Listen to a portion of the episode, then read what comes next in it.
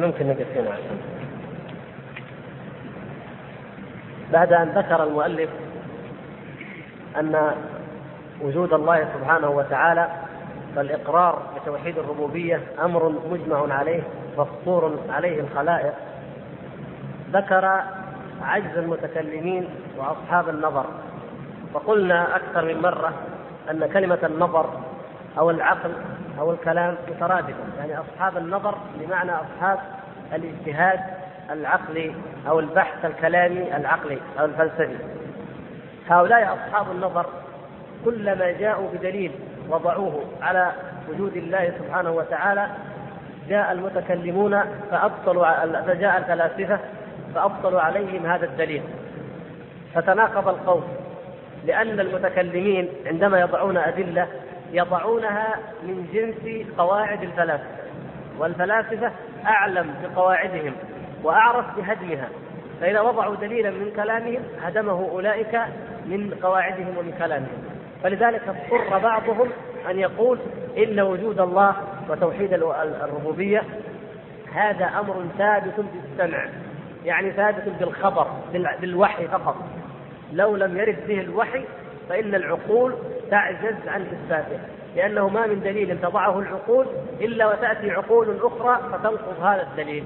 وهذا بلغ فيهم العجز والضعف والجهل إلى حد أن أقروا بذلك. فقالوا إذا القضية قضية خبرية وحي وسمعية فهي خبر من عند الله فقط. وإلا فالعقول والفطر لا تستطيع أن تعرف ذلك ولا أن تدركه. وهذا من تفريطهم ومن جهلهم. وكما سبق أن أوضحنا إن الله سبحانه وتعالى لما أنزل هذا القرآن أنزل فيه حججا برهانية. فهذا القرآن الذي نتلوه هو سمعي وخبري ووحي من الله سبحانه وتعالى. فهو أمر نسمعه وخبر من عند الله نعتقده وليس نظريات. نعم ليس القرآن نظريات فلسفية من وضع أي أحد وإنما هو تنزيل من العزيز الحكيم سبحانه وتعالى. ولكنه مع ذلك يشتمل على البراهين القوية التي ليس في بابها أشد وأعظم إقناعا منها ولا يمكن أن يصمد أمام قوة إقناعها وقوة يقينها وحججها أي شبهة ولا أي عقد من من من تسمى العقول البشرية أو العقول الفلسفية. الله تبارك وتعالى قد ذكر ألوهيته ووحدانيته وذكر خلقه وتفرده بالخلق والرزق وذكر سبحانه وتعالى الإيمان باليوم الآخر وذكر صدق أنبيائه. كل ذلك ذكره الله تبارك وتعالى بأقوى البراهين وأقوى الحجج ويتحدى المشركين ويقول قل هاتوا برهانكم إن كنتم صادقين. وفي أكثر الآيات وتأتي معنا بإذن الله تفصيل لذلك يذكر الله سبحانه وتعالى مثلا قضية النبوة.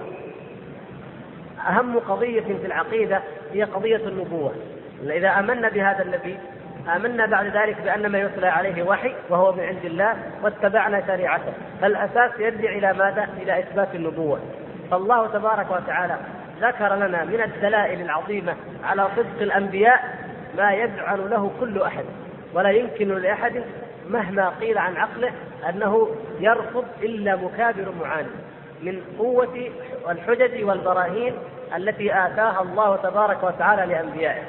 فإن الأمم مكذبة والعناد طبع وجبلة في أعداء الله المستكبرين على الله سبحانه وتعالى. وما من نبي بعثه الله إلا وله أعداء. وكذلك جعلنا لكل نبي عدوا من المجرمين. وكفى بربك هاديا ونصيرا. فكل نبي وجه بالعداوة ولكن الله تعالى هو نعم الهادي وهو نعم النصير سبحانه وتعالى. وكل ما كل نبي ينقسم قومه إلى فريقين. الملأ الذين استكبروا الطبقة العليا أصحاب المناصب الملك الأموال الجاه. هؤلاء الطبقة الملأ الذين استكبروا كما يسميهم الله سبحانه وتعالى والملأ الذين استضعفوا وهم الأتباع والذين حواشي الناس. وطبيعة الطبقة العليا أو الكبرى طبيعة الملأ المستكبرين في الأرض أنهم يحاجوا ويعاندوا أي دعوة جديدة وخاصة إذا كانت ناشئة من الطبقات الدنيا من الناس الذين هم لا مال لهم ولا جاه عندهم. ولذلك قالوا لولا نزل هذا القرآن على رجل من القريتين عظيم لأن النبي صلى الله عليه وسلم ليس من أصحاب الثراء ولا من أصحاب رؤوس الأموال. فيعترضون على الأنبياء بهذه الاعتراضات. فالاعتراضات قديمة من عهد نوح عليه السلام. كل نبي يأتي يعترض عليه باعتراضات قديمة وتكون المحاجة والمعاندة التي ذكرها الله تعالى في سورة هود وفي سورة الأعراف وفي آه، سورة الأنبياء وفي غيرها سورة الشعراء. أكثر سور القرآن التي فيها قصص الأنبياء تتحدث عن معاندة الأمم. ومع ذلك فإن الأنبياء يأتون بالحجج وبالبراهين وبالآيات البينات التي لا يملك أي بشر معها إلا أن يؤمن بنبوتهم ومن ثم يؤمن بأن الله سبحانه وتعالى حق. فإن أعتى طواغيت العالم هو فرعون وكان أكبر طواغيت الأرض وأكثر طاغوت يتحدث عنه القرآن هو فرعون. ومع ذلك يأتيهم هذا النبي وحده مفردا يتيما نشأ وتربى في حجر في بيته وفي رعايته. لا يملك ولم يكن يدري أن له أب ولا أم ولا أحد. وإنما يعلم فرعون أن هذا انسان لقيط التقطه من البحر ورباه. ثم يأتي ويقتل النفس ويهرب في البر. يبحث عنه فرعون وقومه فلا يجدوه.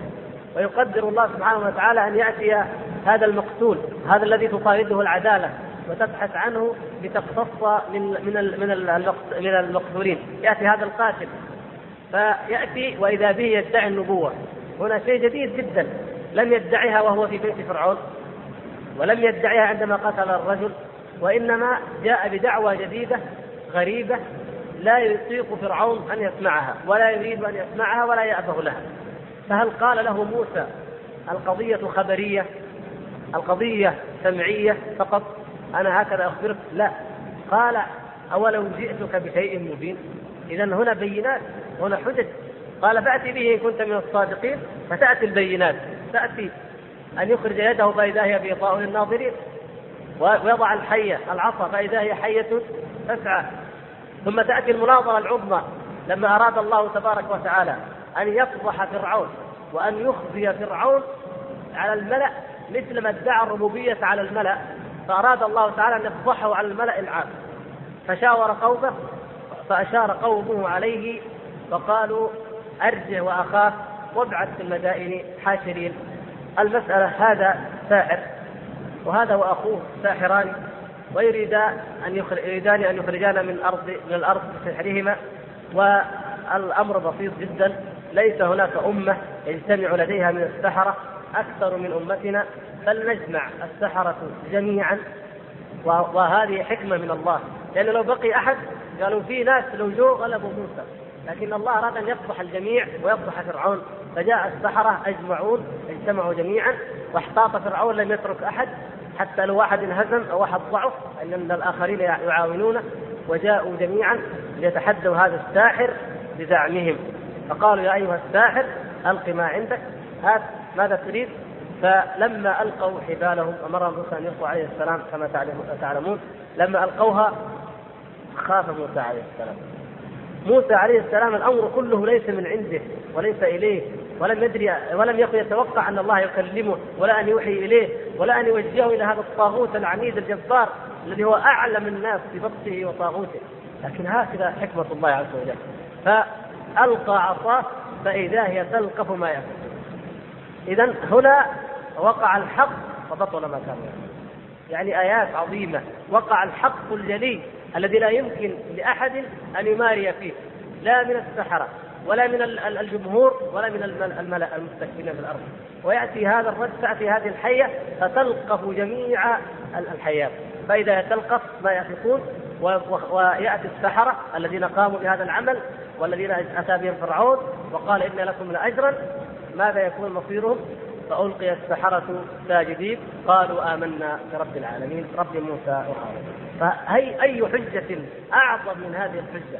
وأي فضيحة أخزى وأدل لأعداء الله من هذه الفضيحة والخبث إذا كل نبي من الأنبياء يأتي بآية ويأتي بمعجزة ويأتي ببرهان يدل على أن المسألة ليست مجرد وحي أو سماع فقط أمر سماعي وإنما الوحي نفسه يأتي بالأدلة وبالبراهين الجدلية التي لا يقوى أي مجادل ولا أي مناظر أن يقف أمامها بإطلاق.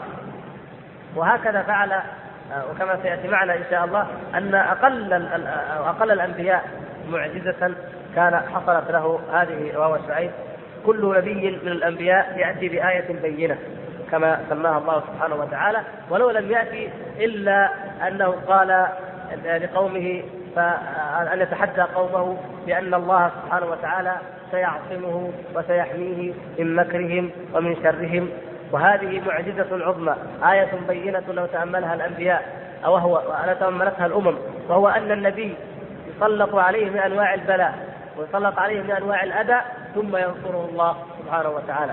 ونبينا محمد صلى الله عليه وسلم ضيق عليه وحوصر في الشعب ثم حوصر في البيت لكي لا يهاجر ويرفعه الله سبحانه وتعالى عليهم في الدنيا وفي الآخرة وينصره عليهم ويهاجر وتقوم له الدولة ويأتي ويقتلهم إلا من دخل في الإسلام ثم ينصره الله سبحانه وتعالى على العالمين.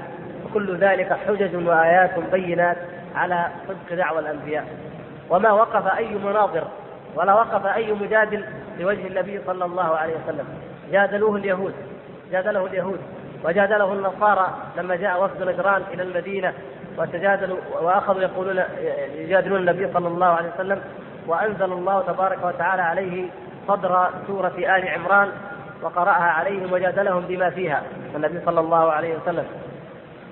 وكذلك جادله المشركون طويلا وأكثر الجدال وكذلك أصحابه من بعده. ما وقف في وجههم أي مجادل ولا أي مناظر بل كانت الحجة البينة والبرهان الساطع بين أيديهم دائما في كل موقف. ولهذا جعلهم الله سبحانه وتعالى هم الأعلون الأعلون في الحجة والبيان والأعلون في السيف والسنان.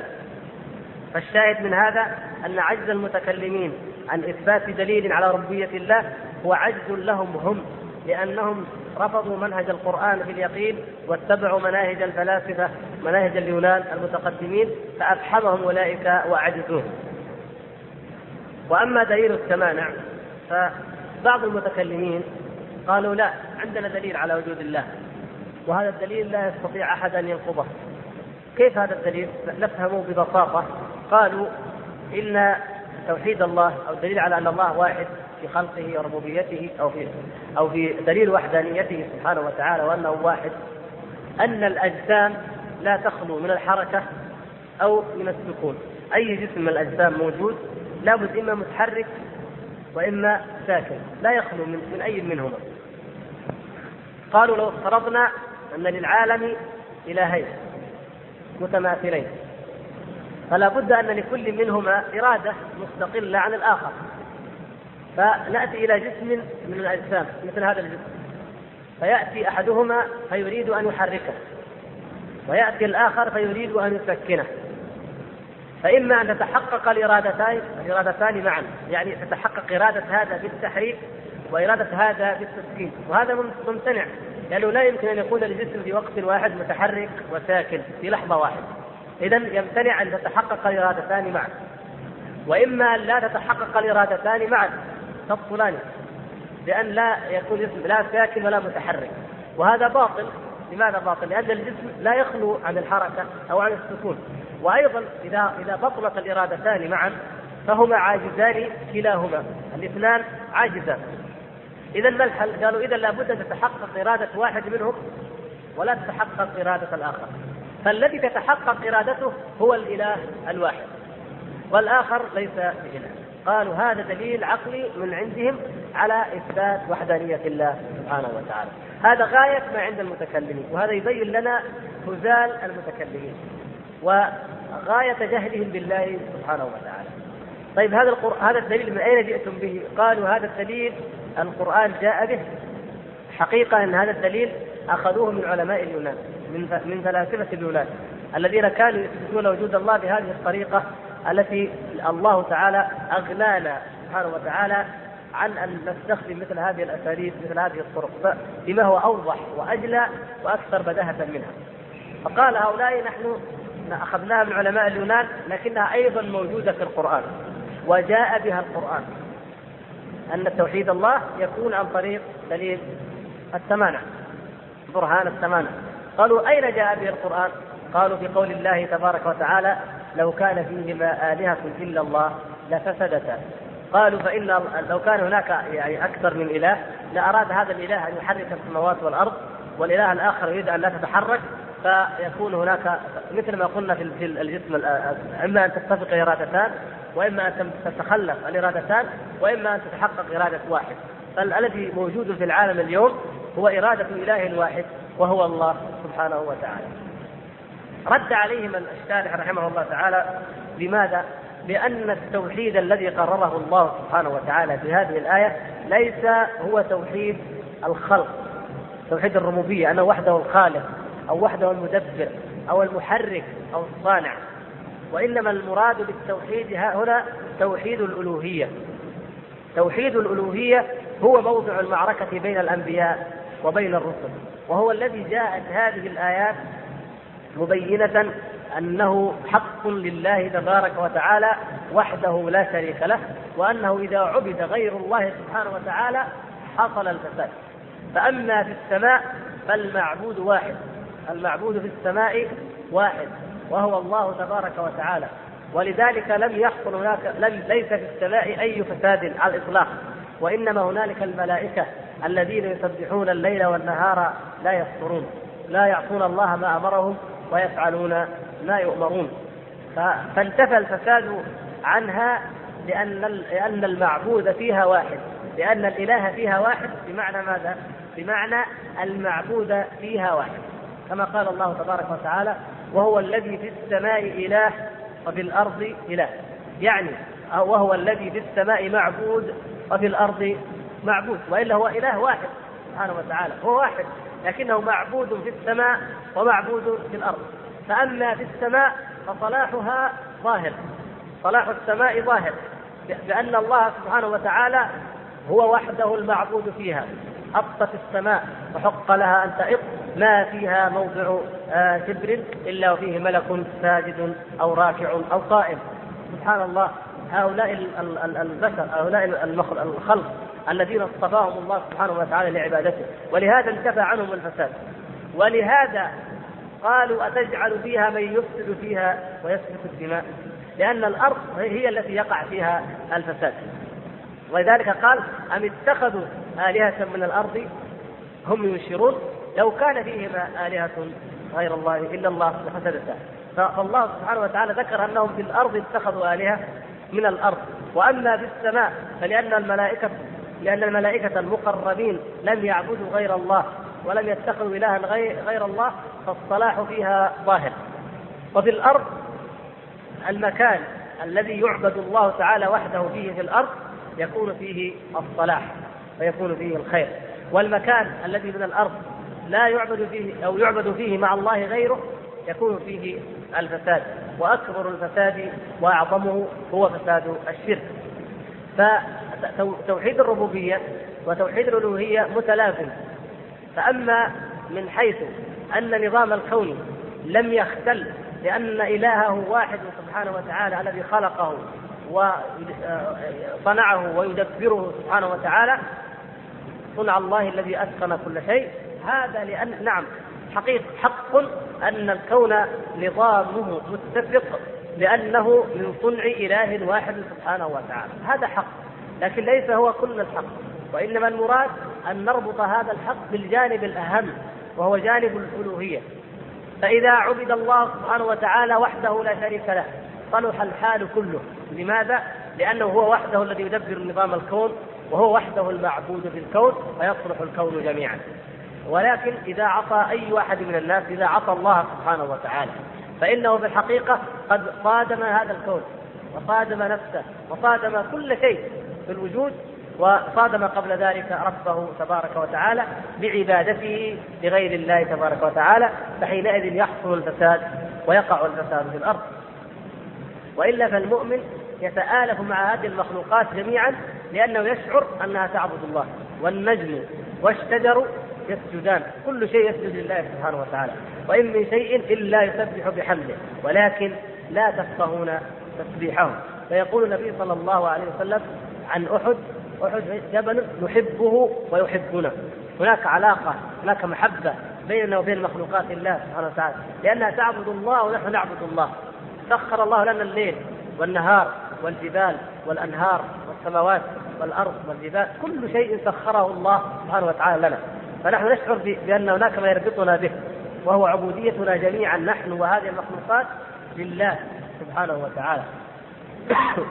أما أعداء الله وأما المستكبرون على الله فلا ينظرون إليها إلا نظرة العداوة. ولذلك اصطلحت أوروبا منذ عصر ما يسمى عصر النهضة إلى اليوم على أن تسمي كل إنجاز أو اكتشاف علمي تسميه قهرا للطبيعة. قهر الطبيعة. إذا فتحوا طريق في جبل قالوا قهرنا الطبيعة. ففتحنا هذا الطريق. إذا حولوا مجرى نهر من الأنهار قالوا قهرنا الطبيعة. لأن المساله مسألة مغالبة ومقاهرة ومعاندة. أما المؤمن فيثق أن الله تعالى سخر له ذلك. قال فإن فعل شيئا من هذا فيقول هذا من فضل الله سبحانه وتعالى. وهذا من تسخير الله سبحانه وتعالى أن جعلني أستطيع أن أشق الجبال وأن أحول مجاري الأنهار وأن أصنع في الأرض ما أستطيع. هذا من فضل الله ومن تسخير الله سبحانه وتعالى. وإلا فهذه مخلوقات الله تعبد الله كما أعبدك ولكني لا أفقه تسبيحها. وليس بيني وبينها أية عداوة. فهذا هو التوحيد الألوهية المتضمن لتوحيد الربوبية. والتوحيدان متلازمان. والتوحيد الذي جاءت به الأنبياء هو توحيد الألوهية. وكل ما جاء في القرآن أو في دعوات الأنبياء من بيان لتوحيد الربوبية فهو لماذا؟ ليبنى عليه الإلزام بتوحيد الألوهية. وهكذا كانت العرب كما ذكر الشارح وكما تعلمون جميعا في آيات كثيرة من القرآن أن العرب في الجاهلية كانوا يقرون بأن الله وحده لا شريك له هو الإله الذي خلق السماوات والأرض وهو الذي يدبر الأمر. ولكنهم اتخذوا من دونه آلهة أخرى. لماذا؟ لدعاوى عدة دعاوى. إما أن هذه الآلهة تقربنا إلى الله تعالى زلفى. هذه الآلهة تقربنا إلى الله زلفى. فهو الإله الأكبر وهذه الآلهة الصغرى واسطة بيننا وبين الإله الأكبر أو الإله الحقيقي. كما كانوا يقولون في تلبيتهم لبيك لا شريك لك إلا شريكا هو لك تملكه وما ملك.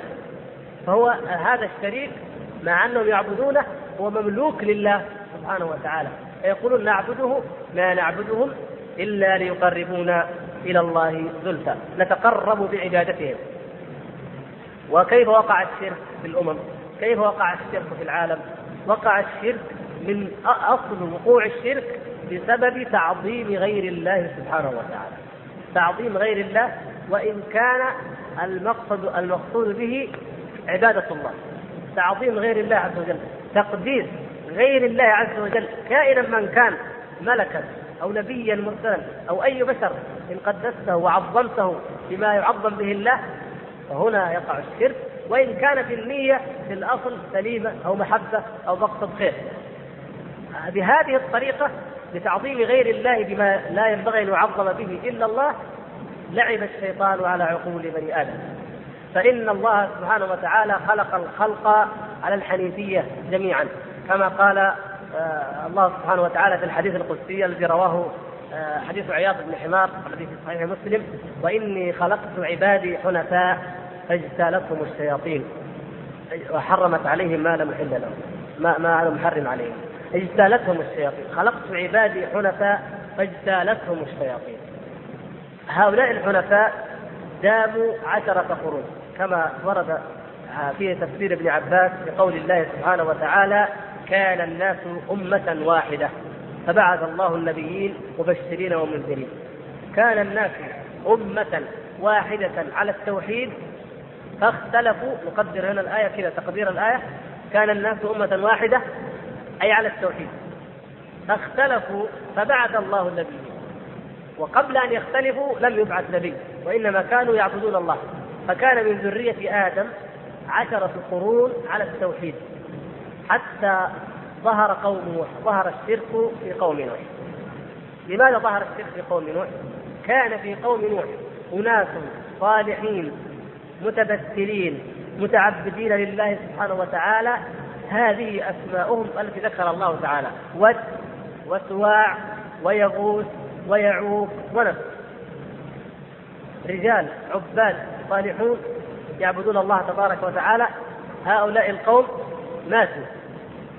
فجاء الشيطان ولعب بعقول قومهم وقالوا لهم هؤلاء الناس الذين كانوا يعبدون الله يذكرونكم بعبادة الله وهم أحياء. ألا تتذكرونهم وهم أموات؟ وتعبدون الله وتجتهدون في عبادة الله كما كانوا مجتهدين. كيف يكون التذكير؟ قال صوروا صور لهم على صورهم. فتتذكرون الصورة فتتذكرون الأصل. فتعبدون الله وتقربون إلى الله مثل ما كانوا يتقربون. فصوروا هذه الصور وجعلوا لهم تماثيل وأخذوا يتذكرون هؤلاء في وجود هذه الصور. ثم تناسخ العلم حتى نسخ العلم. يعني مرت أجيال ونسيت أن هؤلاء ليسوا معبودين وإن أنهم إنما صوروا للتذكر للذكرى فقط. لا كانوا يرون آباءهم يأتون إلى هذه الصور ويدعون الله يدعون الله لكن يدعونه بعد أن يتذكروا الله بهذه الصورة. فجاءوا هم فأصبحوا يدعون هذه الصورة. يدعون ود ويدعون سواع ويدعون يغوث ويدعون يعوق ونسرا أصبحوا يدعون هذه المعبودات من دون الله سبحانه وتعالى. ثم جاء نوح عليه السلام. وتعلمون ما وقع بينه وبين قومه. وأغرقهم الله سبحانه وتعالى جميعا. وأهلكهم ودمرهم إلا من آمن وما آمن معه إلا قليل. وعاد التوحيد مرة أخرى هو الأساس في الأرض. وقضي على الشرك وقطع دابر القوم الذين كفروا ولم يبق منهم ديارا كما ديار كما دعا نوح ربه عليه السلام. لم يبق منهم ديار فقطع دابرهم. وعاد التوحيد من جديد وعاد ذرية نوح عليه السلام والمؤمنون الناجون عاد من عاد الأمر من جديد على التوحيد. ولكن الشيطان عاد من جديد فأعاد الشرك وأعاد الأصنام. ولم يبعث النبي صلى الله عليه وسلم إلا ويود وسواع ويغوث ويعوق ونسر تعبد بأعيانها التي كانت أيام نوح في أمد لا يعلمه إلا الله سبحانه وتعالى. قرون بين نوح وبين بل هناك قرون بين العرب البائدة بين ثمود وعاد وبين إبراهيم عليه السلام وذريته العرب الباقية. قرون والذين من بعدهم لا يعلمهم إلا الله كما قال الله تعالى. قرون طويلة ومع ذلك لأن الشيطان موجود ولأن الشيطان واحد اعاد تلك الاصنام بأعيانها وبأسمائها كما فسرها ابن عباس رضي الله تعالى عنهما في صحيح البخاري. فكل قبيلة من العرب عبدت إلها من هذه الآلهة الذي هو في الأصل آه، اسم رجل صالح من قوم. وقد سبق أن تحدثنا عن أسباب أو كيف وقع الشرك في بلاد العرب وقلنا إنه كان بسبب الانبهار الانبهار الحضاري الذي يسمى الانبهار الحضاري. أن عمرو بن لحي الخزاعي الذي هو الذي أسس الشرك في جزيره العرب بعد التوحيد وغير ملة إبراهيم وإسماعيل عليهما السلام ذهب إلى بلاد الشام ورأى الناس يعبدون الأصنام هناك. فجاء إلى العرب واستورد جاء آه، بهذه البضاعة الفاسده الكافدة وجاء بها واستوردها وجعلها عند البيت الحرام الذي جعل جعله الله سبحانه وتعالى أول بيت وضع للناس لكي لا يعبد إلا الله تبارك وتعالى. فجاء بالأصنام ثم عبدت وبقي بقيت قريش تتناقل ذلك ذرية إسماعيل حتى بعث فيهم النبي الأمي دعوة إبراهيم عليه السلام وهو محمد صلى الله عليه وسلم. فكان هذا هو عودة الشرك. إذا سبب وقوع الشرك لم يكن من أجل لم يكن الشرك واقعا في الربوبية وإنما كان في الألوهية سبب وقوع الشرك هو تعظيم غير الله عز وجل وتقديس غير الله عز وجل وخاصة الصور التي عظمت والتي قدست ولذلك يأتي يذكر الشارع رحمه الله تعالى الأحاديث الواردة في آه، في ذلك وفي وجوب صمت الصور وتسوية القبور لأنها ذرائع إلى عبادة غير الله تبارك وتعالى. وقد ثبت.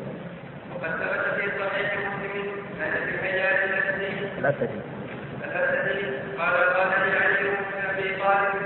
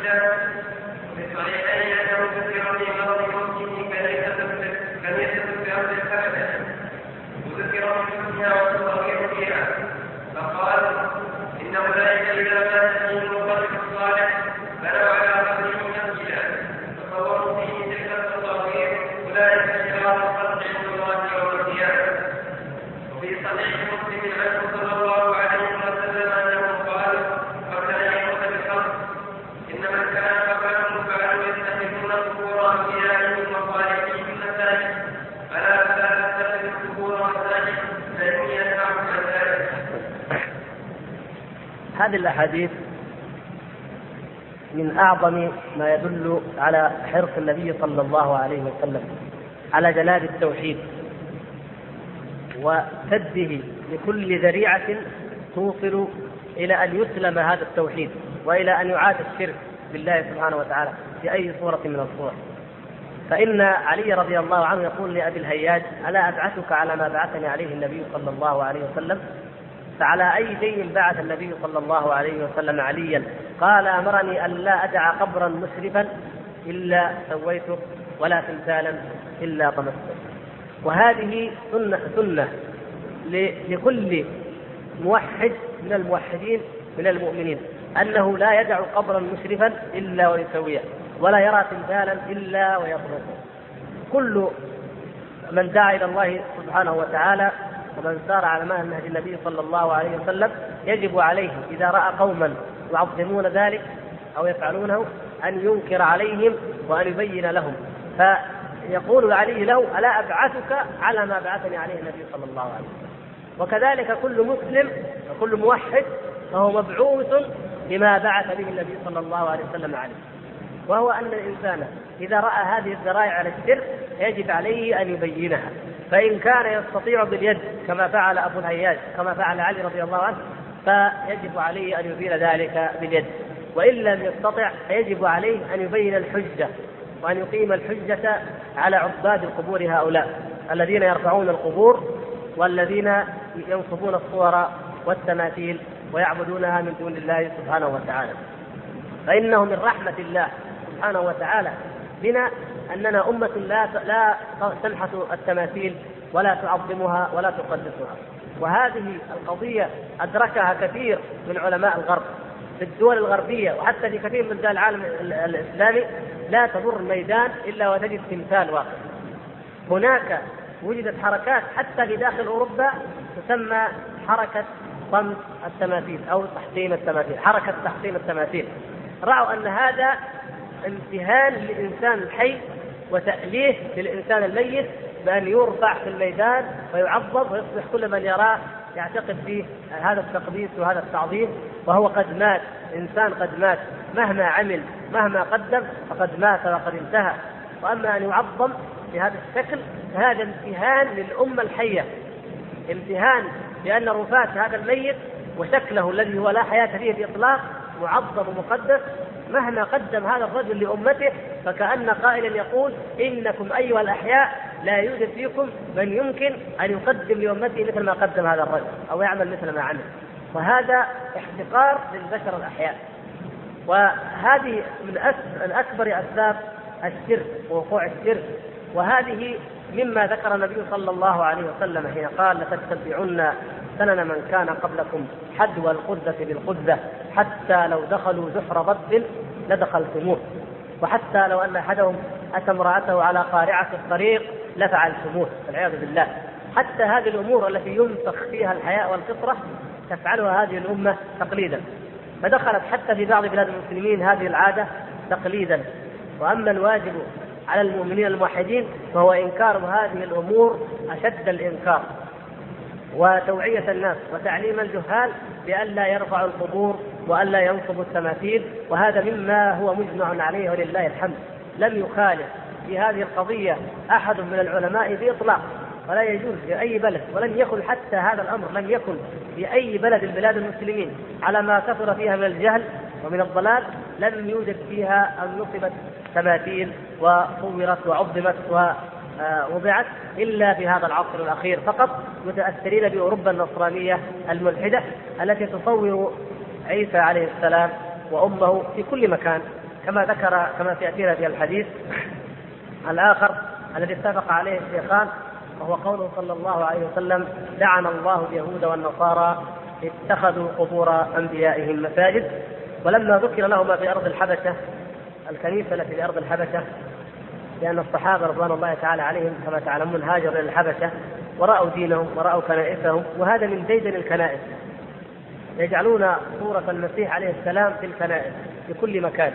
ولهذا هم يعبدونه عليه السلام يعبدونه من دون الله. ولم يعبدوا المسيح فقط. القديسين الذين يجعلون لهم صور في الميادين وفي الكنائس ويعبدونهم يسمونهم القديسين. يقدسوهم ويعبدونهم. في العالم الغربي ما تزال إلى الآن مع أن الناس قد كفروا بهذا الدين وأكثرهم تخلى عنه تخليا كاملا إلا أنه ما تزال في قلوبهم تعظيم القديسين.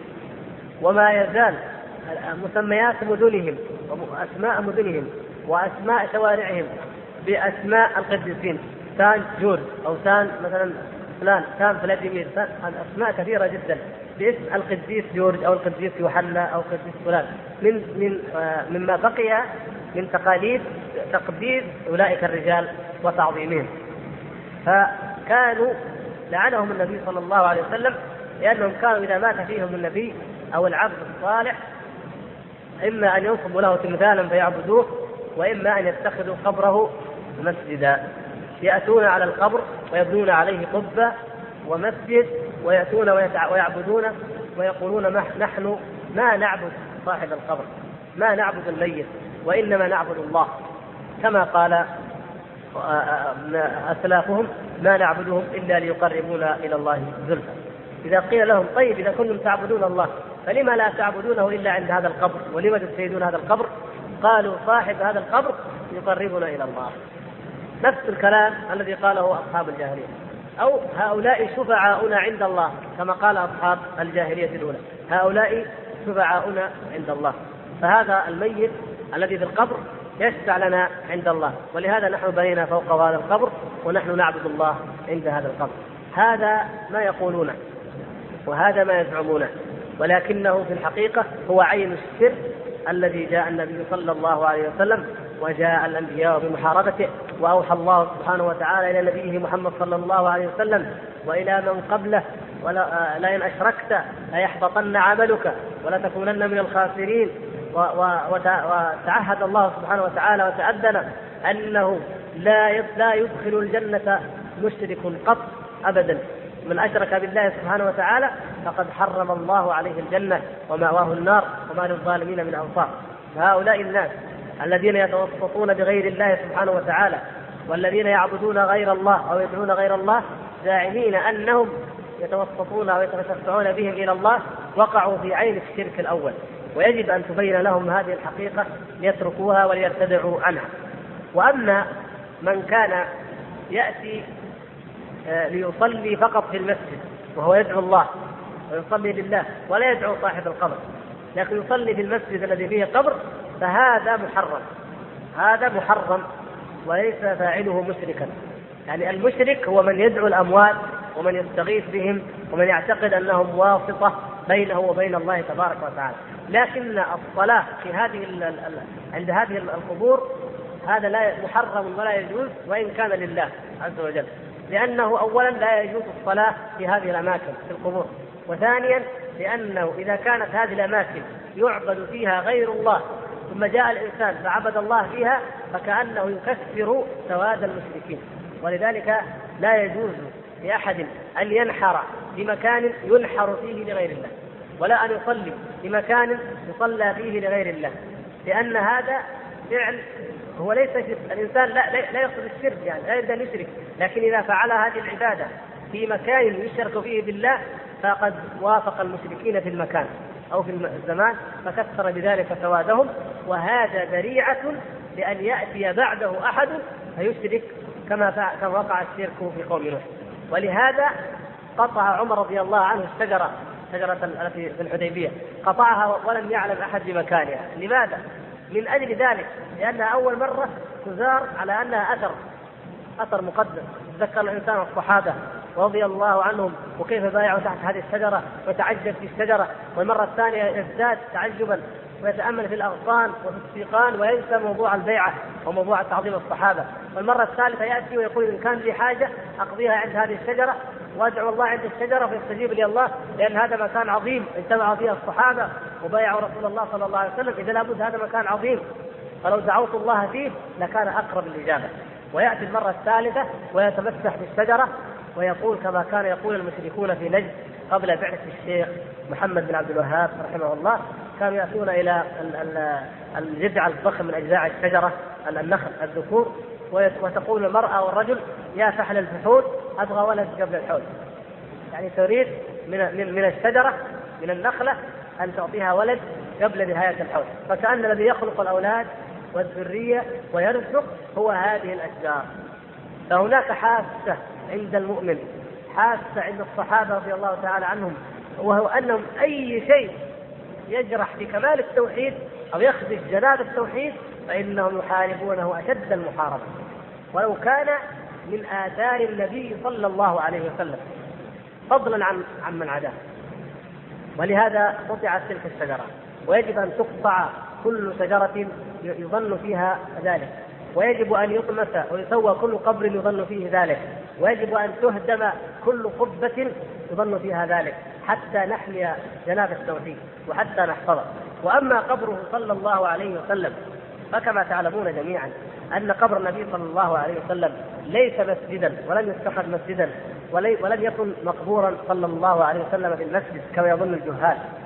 وإنما الأنبياء كما في الحديث الصحيح يدفنون حديث الصحيح يدفن الأنبياء حيث قبضوا النبي يدفن حيث قبض. الله سبحانه وتعالى يقبض نبيه أي نبي من انبيائه صلوات الله وسلامه عليهم أجمعين في المكان الذي يحب أن يدفن فيه فيدفن في المكان الذي قبض فيه فقبض النبي صلى الله عليه وسلم في الحجرة في حجرة عائشة ودفن فيها صلى الله عليه وسلم. ودفن بجواره صاحباه الصديق رضي الله تعالى عنه وعمر رضي الله تعالى عنه. دفن محبة منهما في رسول الله صلى الله عليه وسلم. أذنت عائشة أو رضيت أن يدفن أبوها ثم لما طلبها عمر. أخي على طريق الحق هنا منتصف الشريف.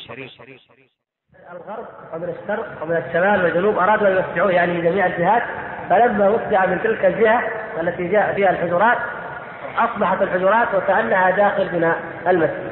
ثم جاء عصر المماليك فأدخلت أكثر وهكذا مع الزمن حتى أصبح القبر في وسط المسجد أو كأنه في وسط المسجد. وأصبح الجاهل الذي لا يدري يقول إن هذا إن المسجد بني على القبر وإن الأساس هو القبر لا المسجد. وإذا أراد أن يزور المدينة ينوي زيارة القبر لا زيارة المسجد. هكذا وقع الجهل. وقع الجهل أعظم من ذلك.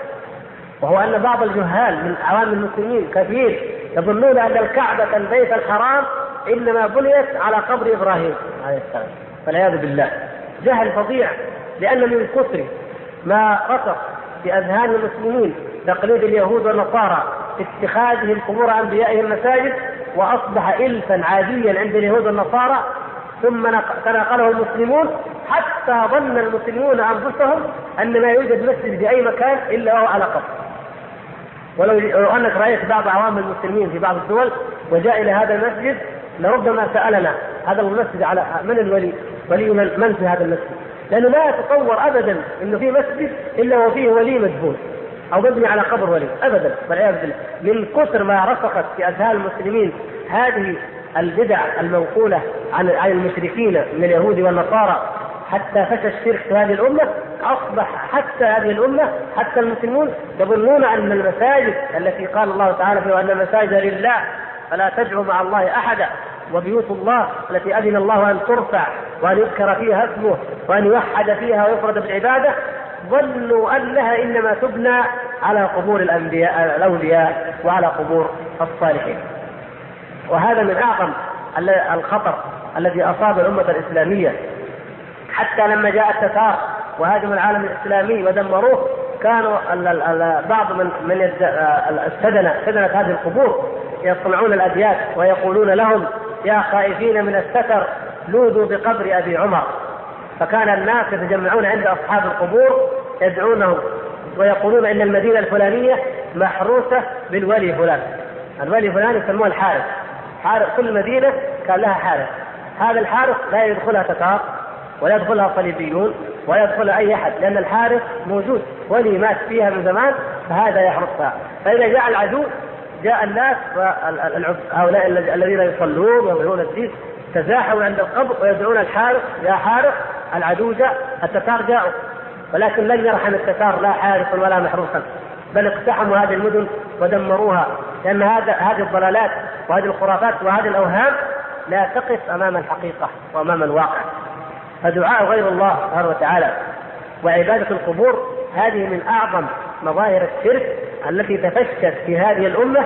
تبعا للأمم السابقه فقد سميت أرباب أخرى من دون الله سبحانه وتعالى بأسماء أخرى إما أن وضعت على قبورها آه، القباب والمساجد وإما أنها تدعى من غير الله ولو في غير هذا المكان وتدعى كما يدعى الله تبارك وتعالى. وهذا هو عين الشرك. الذي ما لم نتخلص منه فلن يرفع الله سبحانه وتعالى الذل عن هذه الأمة. لن يرفع الله تعالى عنها الذل إلا بأن توحده وحده سبحانه وتعالى لا شريك له. فإذا وحدته وحده وحد الله قلوبها ونصرها وأعلى شأنها وأعلى مكانتها. وأما إذا بقيت على هذا الشرك فإنها مختلفة وستظل مختلفة. الحسين له عدة مشاهد يعبد فيها من دون الله تعالى. انظروا كيف أن هذا الشرك مثل ما يبعد الناس عن الله ويبعدهم عن الجنة أنه يفرق القلوب لأنه كذب ولأنه افتراء الحسين يعبد في العراق على أن هذا هو قبر الحسين. ويعبد في الشام على أن هذا هو قبر الحسين. ويعبد في مصر على أن هذا هو قبر الحسين. أي حسين هذا؟ ولا في ثوبين أبو علي في كل مكان. حتى علي علي رضي الله تعالى عنه علي بن أبي طالب رضي الله تعالى عنه معروف بالقطع أنه إنما قتل بالكوفة ودفن بها في مكان مجهول ومع ذلك نجد في مدينة من المدن الإسلامية التي تقع على الحدود مع الاتحاد السوفيتي هذه المدينة إيش اسمها؟ مزار شريف اسمها مزار شريف يعني المزار الشريف مزار من؟ مزار علي بن أبي طالب يقول علي دفن في مزار شريف هناك وراء تركستان في تركستان على على حدود النهر المكان الذي لم توفي علي رضي الله عنه وجيوش المسلمين لم تصل إليه.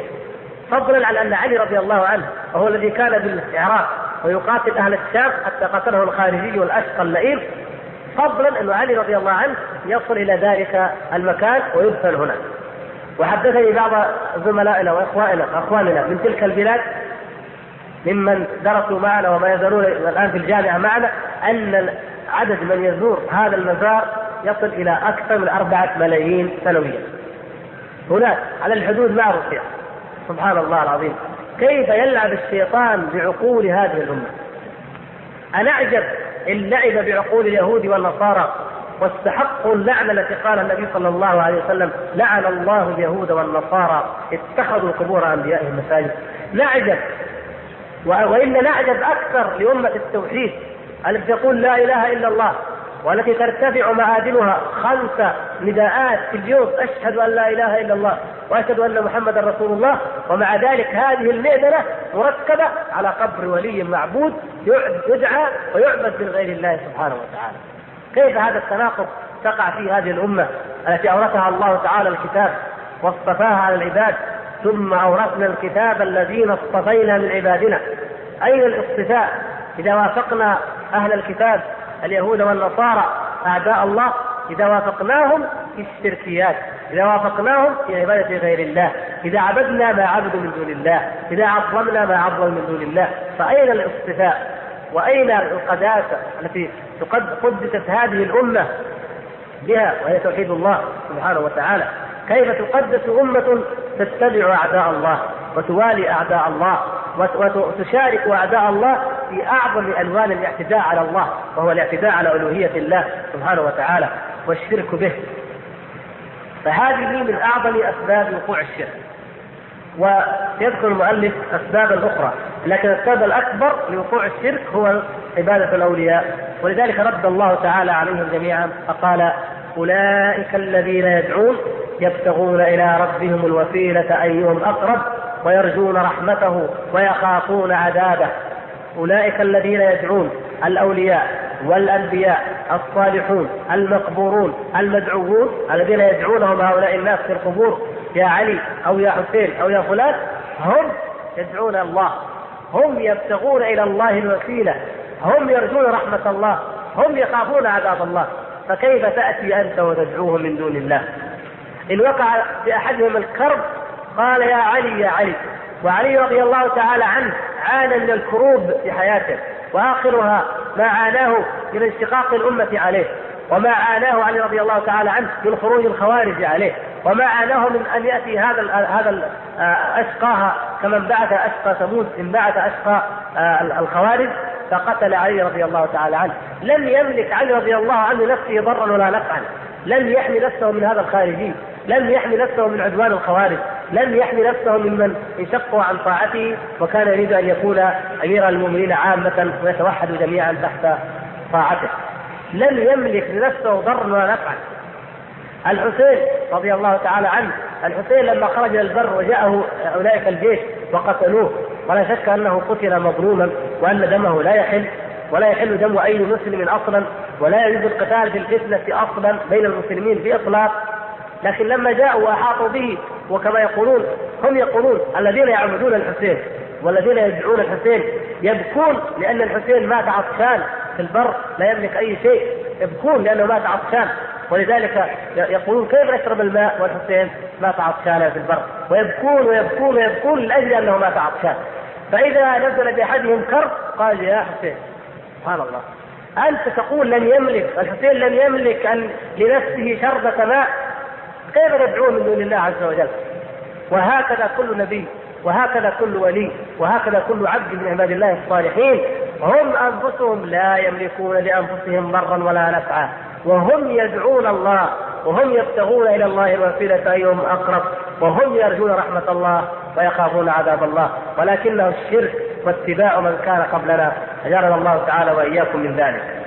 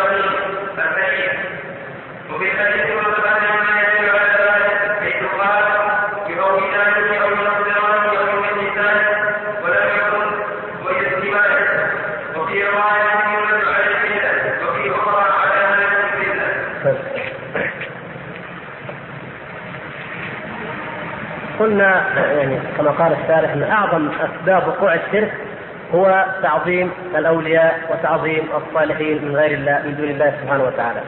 وهناك أسباب أخرى من أنواع الشرك ومن أسباب وقوع الشرك وهي تعظيم الكواكب.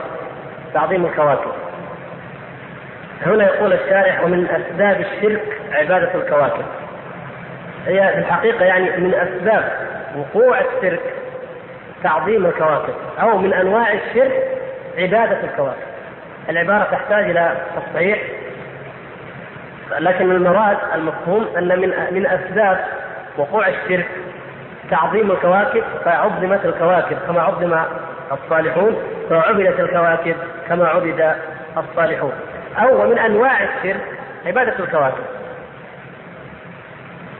عبادة الكواكب واتخاذ الأصنام بحسب ما يظن ما يظن أنه مناسب للكواكب من طباعها هذا الشرك وجد عند الصابئين كما يقال كما قال الشاعر.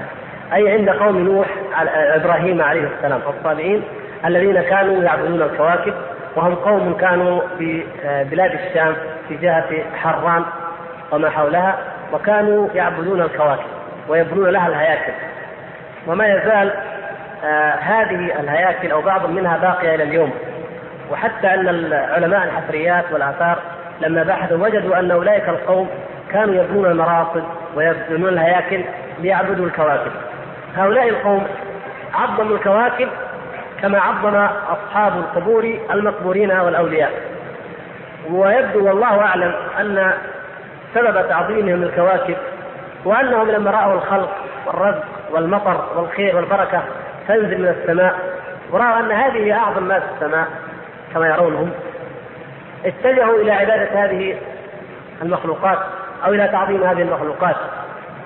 ولا سيما وقد أوحى إليهم الشيطان أنه إذا ظهر الكوكب الفلاني في المكان الفلاني يكون الدمار وتكون الزلازل ويكون الخسف وإذا ظهر الكوكب الفلاني واقترن بالكوكب الفلاني يكون المطر ويكون الخير وتكون الرحمة وتكون البركة.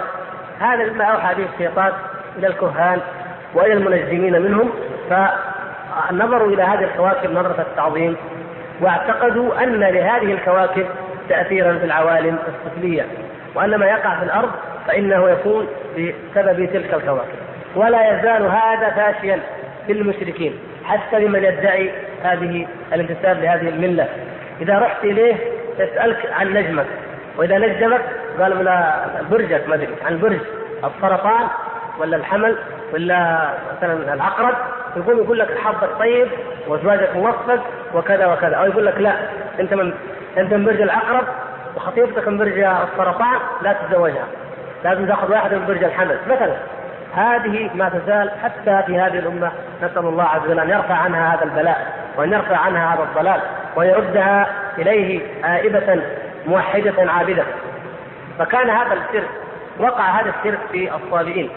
ولما يعني كان الآشوريون والبابليون وأمثالهم كانوا يبنون الهياكل العظيمة ويرصدون الكواكب لا للعلم الجغرافي الذي هو معروف اليوم وإنما بغرض التقرب إليها ومعرفة أحوالها والاستدلال بها على أحوال العالم الأرضي. وكان لها شياطينها كان لها شياطينها. فكانت الشياطين تنزل وتوحي إلى أوليائها في أخبار عن أمور مغيبة أو بأحداث أو بأحوال فيأتي كهنة كل كوكب ويخبرون الناس بما أخبرهم أو بما أوحى به إليهم هؤلاء المرده هؤلاء الشياطين. فيظن الناس أن هذا الإله هو الذي أوحى بذلك وأنه هو الذي يملك هذه الحقائق أو الذي يعلم الغيب أو الذي يدبر الكون. وكانت كل منطقة من المناطق تنافس المنطقة الأخرى وتحاربها وتتقاتل وإياها على ماذا؟ على أن إله هؤلاء هو أفضل وهؤلاء يقولون لا إن ربهم هو أفضل من رب أولئك. هكذا كان البشر يتخبطون في الضلالات وفي الجهل. ثم وضعت أصنام في الأرض كما يقولون بما يتناسب مع طباع الكواكب. فبعضهم يعبد الكوكب وهو في السماء وبعضهم يعبد الكواكب التي يعبد الأصنام في الأرض يصنع هيكل من الحجر ينحته ويقول هذا يناسب لطباع المشتري أو زحل. فيعبد فيعبد الناس هذا الصنم بناء على تعظيم الكوكب الذي هذا يتناسب مع طباعه. يأتي اولياءهم من الجن الشياطين فتدخل في جوف هذه الأصنام الأحجار فتكلمهم وتخاطبهم باسم الصنم المعبود. وهذا ما كان حاصلا إلى زمن بعثة النبي صلى الله عليه وسلم. فكانت الشياطين تخاطبهم من الأصنام وتكلمهم منها وتحكم بينهم منها فيظن الناس أن هذه هي الأرباب الآلهة هي التي تتكلم. وهكذا أغوى الشيطان بني آدم في ذريته من المرده وكذلك الشرك بالملائكة أو الجن واتخاذ الأصنام لهم كما يقول الشارح. عبادة الملائكة هناك قوم قالوا يعني جنس عبادة الملائكة من جنس عبادة الصالحين. قالوا إن الملائكة عباد لله عز وجل. يسبحون الليل والنهار لا يكفرون لا يعصون الله ما أمرهم يفعلون ما يؤمرون. ومن آه، اخبر الأنبياء من صفاتهم العظيمة. ومن طاعتهم لله عز وجل الشيء العظيم. فقالوا إذا نحن نتخذ الملائكة شفعاء عند الله. فندعو الملائكة ندعو جبريل أو ميكائيل انه يشفع عند الله. ثم يدعونه استقلالا وإذا قيل لهم لماذا تدعون الملائكة؟ قالوا ما ندعو الا ما ندعوهم أو ما نعبدهم إلا ليقربونا إلى الله زلفى. لأنهم أقرب عند الله. وأنا مسكين لما يقول. أنا أنا مذنب ما أقدر أدعو الله. ما أستطيع أدعو الله. كيف أنا أدعو الله وأنا مليء بهذه الذنوب؟ فأدعو هؤلاء لأنهم مقربين عند الله وهم يشفعون عند الله. الله سبحانه وتعالى الذي فتح باب التوبة على مصراعيه. يده بالليل ليتوب مسيء النهار ويبسط يده بالنهار ليتوب مسيء الليل وهو يقبل التوبة عن عباده غافر الذنب وقابل التوب شديد العقاب بالصوت سبحانه وتعالى وهو الذي ينجي كل من دعاه في ظلمات البر والبحر. أما يجيب المضطر إذا دعاه أيا كان المضطر مؤمنا أو كافرا الله سبحانه وتعالى يحتاج إلى من يتوسط عنده أو يشفع عنده. يحتاج إلى أن يدعى غيره ويعبد غيره لكي ينزل رحمته سبحانه وتعالى على أحد. هذا ظن من ظن الذين عبدوا الملائكة هو من جنس عبادة الأنبياء وعبادة الصالحين. وأما عبادة الجن فهذه لها سبب آخر. لماذا؟ ويوم يبعثهم جميعا الله سبحانه وتعالى يوم القيامة كما تعلمون كما في الحديث الصحيح يأمر الله سبحانه وتعالى يوم القيامة كل أناس كانوا يعبدون الطواغيت أن أن كل أناس يعبدون ما يتبعون ما كانوا يعبدون. فيتبع عباد الطواغيت الطواغيت. وممن يتبعون أو ممن ينحرفون أن عباد الجن ينحرفون يذهبون ويتبعون الجن لأنهم كانوا في الدنيا يعبدون الجن. فيحاكم الله سبحانه وتعالى بين الطواغيت وبين عبادهم. فيقول الله تبارك وتعالى وقد بعثهم وقد حشرهم جميعا سبحانه وتعالى الإنس والجن المعبودين والعابدين. فيقول تبارك وتعالى يا معشر الجن قد استكثرتم من الإنس. يا معشر الجن قد استكثرتم من الإنس. ال- الذين يعبدون الجن أكثر طائفة من بني آدم. تعبد الشياطين تعبد الجن. أو هم أكثر بما لا ينبغي وما لا يحق لهم ولو واحد من بني آدم أن ياخذوه فكيف بهذه الملايين الذين يعبدون الجن فهذا استكثار فماذا الذي فماذا يكون الجواب؟ قال أولياؤهم من الإنس ربنا استمتع بعضنا ببعض فبلغنا أجلنا الذي اجلت لنا. اذا سبب وقوع عبادة الجن ما هو؟ استمتع بعضنا ببعض. الإنس يجاوب بذلك الجواب. كما قال تعالى في سورة الجن وأنه كان رجال من الإنس يعودون برجال من الجن فزادوهم رهقا. الإنس يظن أنه استمتع يعني استفاد من الجن، إيش استفاد من الجن؟ قال نزلت في وادي مخيف فاستعذت بسيد هذا الوادي نعوذ بالله من سفهاء قومه كما كان العرب يقولون كان واحد يقول أعوذ بسيد هذا الوادي من سفهاء قومه اذا أنا استمتعت هكذا يقول الإنس يعني. أنا حصل الاستمتاع أو الفائدة حصلت أنني سلمت من أذى الجن السفهاء مقابل إيش؟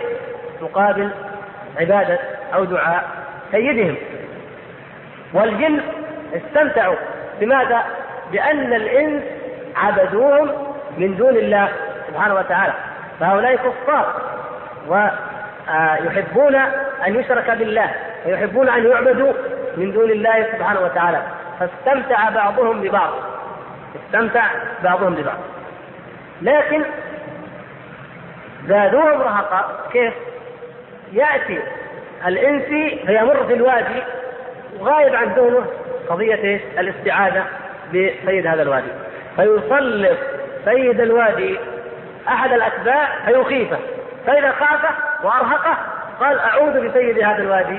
من سفهاء قوم فزادوهم رهقا. زادوهم خوفا. لماذا؟ يزداد أولئك لهم عبادة. وهذا هو الحاصل دائما مع المتعاملين مع الجن. يحصل هذا الشيء. هناك نوع من الاستمتاع.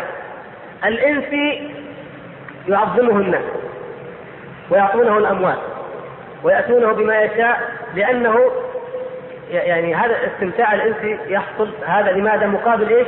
أنه يشفي مرضاهم كما يزعمون أنه يفك السحر عنهم أنه يخبرهم بشيء ضيعوه أو حاجة فقدوها أو أمر من الأمور كاهن يخبرهم بهذه الأشياء. فيحصل استمتاع للإنس بما يأخذ من أموال الناس وبما يكسب عندهم من الجاه. ويقال هذا ولي وهذا رجل عظيم وهذا يطلع على الغيب ويعلم الغيب هذا من ولايته ومن عظمته. فيحصل الاستمتاع للإنس بذلك. ويحصل الاستمتاع للجن للمشركين. بماذا؟ بأن يعبدهم هذا الرجل الذي يذهب إليه الناس يسألونه عن أخبارهم أو يطلبون منه فك السحر عنهم أو أي عمل من الأعمال. وهم وهم يعلمون أن يتعامل مع الجن. يذهبون إليه. وهم يعلمون أنه لا يرقيهم بآيات قرآنية ولا يفك السحر بآيات قرآنية بل بالجن. هذا الرجل يستمتع الجن منه بأنه يعبدهم. فهم هو يسجد لهم والعياذ بالله يسجد لهم من دون الله سبحانه وتعالى. وهو يضع القرآن في الأماكن النجسة الأماكن القذرة تقربا. وهو والعياذ بالله يكتب القرآن بالدم النجس القذر ويعمل في أوراق ويسموها حجب أو أحراز تقربا إليهم. هذا الذي يرضيهم به هذا العمل. ويصلى ظاهرا أمام الناس أو صام أو مسلم. فلما يفعل ذلك بالجن يأتي الجن فيزيل ما كانوا قد أحدثوه هم من الضرر بأوليائه. ناس تعتقد في هذا الولي هذا الرجل أنه يخرج الجن مثلا من الإنسان. لأنه يستخدم الجن فيقول لك هو يستخدمهم ويعرف كيف يفكهم. ماذا يفعل الشياطين؟ يأتي الشيطان الجني فيسلط أحد أوليائه من الجن على أحد أولياء الإنس من الإنس. يسلط على أحد الاتباع يدخل فيه. فيأتي الانسي إلى وليه من الإنس ويقول جاء جني ودخل في فلان ولدي ولا هذا. فايش رايك؟ قال الدواء عندي. فيقوم هذا الانسي فيتقرب بعبادة السيد الجني. فالسيد الجني يأمر وليه من الجن أن يخرج من فلان فيخرج من فلان. فتكون النتيجة انه هذا فلان ولي وأنه طلع الجني وأنه رجل عظيم فيزيدهم رهب فيزدادون عبادة له فيزداد الشرك بالله سبحانه وتعالى ويكثر في الأرض بسبب هؤلاء القوم. بسبب الاستمتاع الذي يقع أن بعضهم كل واحد منهم يحقق مصلحة للآخر. ولذلك يقول الله تعالى إنما سلطانه على الذين يتولونه الذين لا يعتقدون في هذا الرجل الصلاح نهائيا ولا يعتقدون إنه ولي بل يعتقدون إنه مشرك ويتعامل بالجن. هذا هؤلاء يكونون أكثر حفظا بإذن الله تعالى من أولئك الذين يعتقدون فيه الولاية والصلاح. نحن لا نقول إنه لا أحد يتسلط عليه الجن، لا هذا مرض بل وابتلاء قد يبتلى الإنسان بالجن وهو ليس من أوليائهم ولا يعبدهم ولا يعتقد بهم. لكن نقول لو جئنا إلى أمة أو طائفة لا تعتقد بأن هذا الولي أو هذا هذا الحقيقة المشرك هو ولي من دون الله وهو الذي يخرج الجن وهو الذي يفعل بل تعرفه على حقيقته وتجتنبه ولا تزوره وهذا الذي إليه نظرنا إلى وقوع نسبة كم نسبة دخول الجن وكم نسبة إيذاء الجن لهؤلاء المؤمنين الموحدين لوجدناها أقل بكثير جدا من نسبتها في من؟ في القبائل أو في الطوائف أو في المدن التي تعتقد في هؤلاء الناس لماذا؟ لأن تسليطه على أوليائه الذين يتولونه أكثر.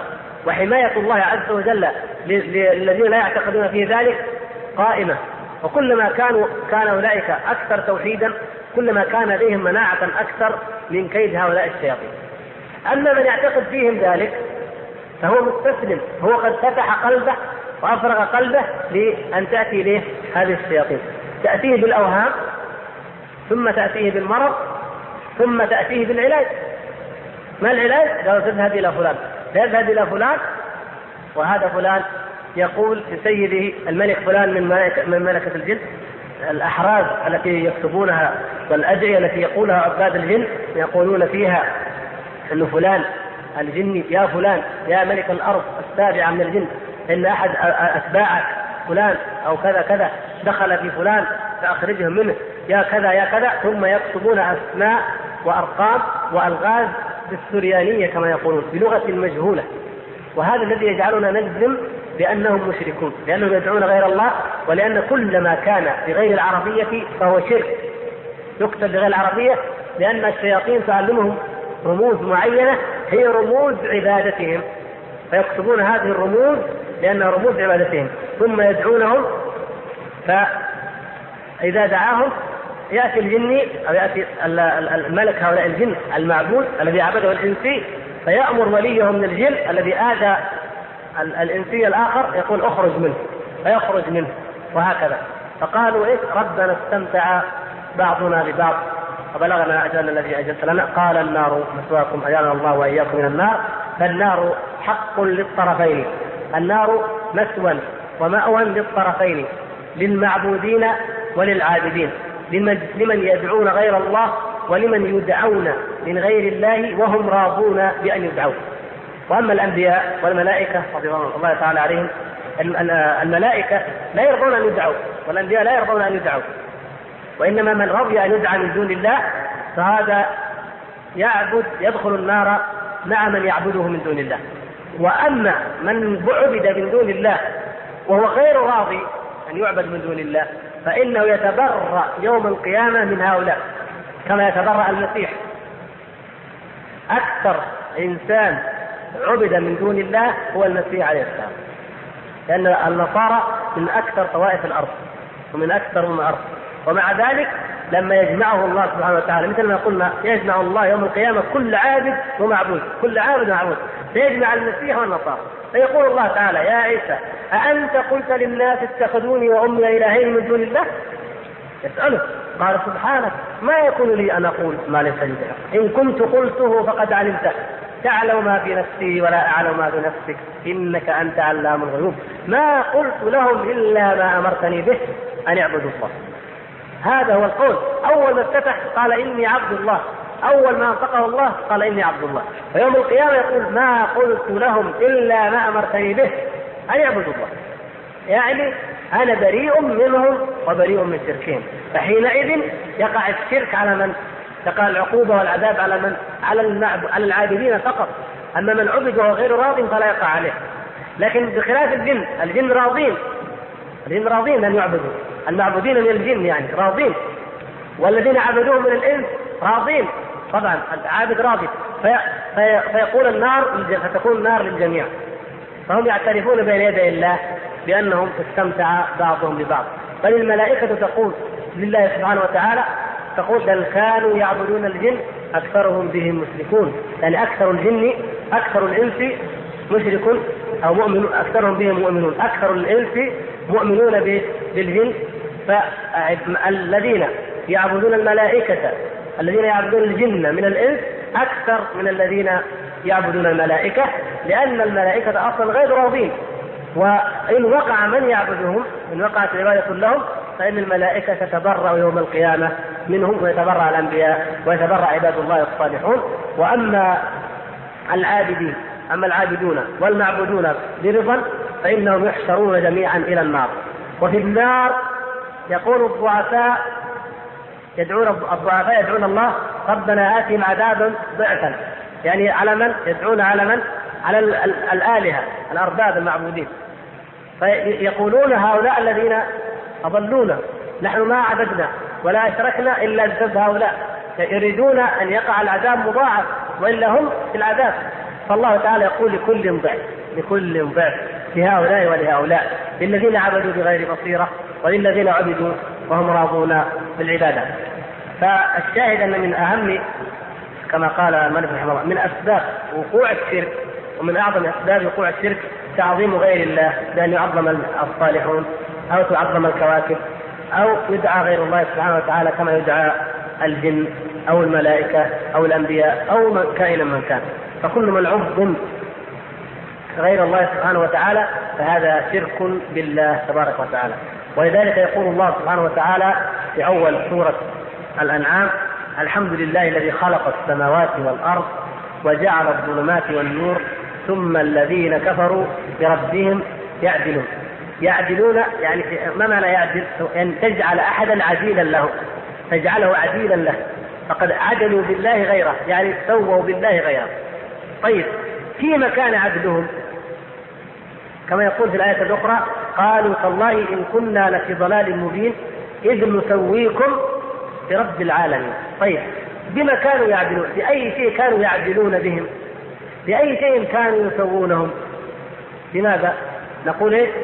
في الخلق؟ يقول خلقوا كخلق الله رزقوا كرزق الله؟ لا. إذا ما كانوا يعدلونهم ويكونون في المحبة وفي التعظيم وفي التقديس. ومن الناس من يتخذ من دون الله أندادا يحبونهم كحب الله. والذين آمنوا أشد حبا لله.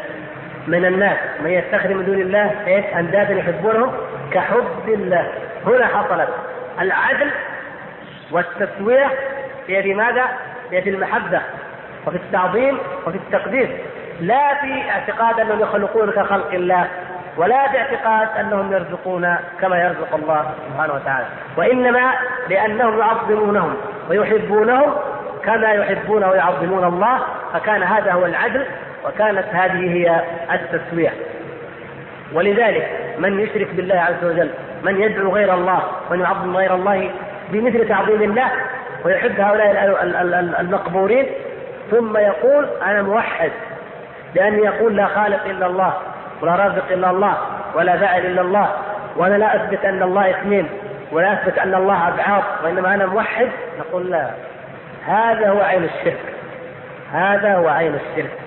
وليس الشرك ليس التوحيد هو اعتقاد أنه واحد غير متعدد ولا غير أبعاد بأن ننفي عنه الكمية المتصلة والكمية المنفصلة كما يقولون. ليس هذا هو التوحيد.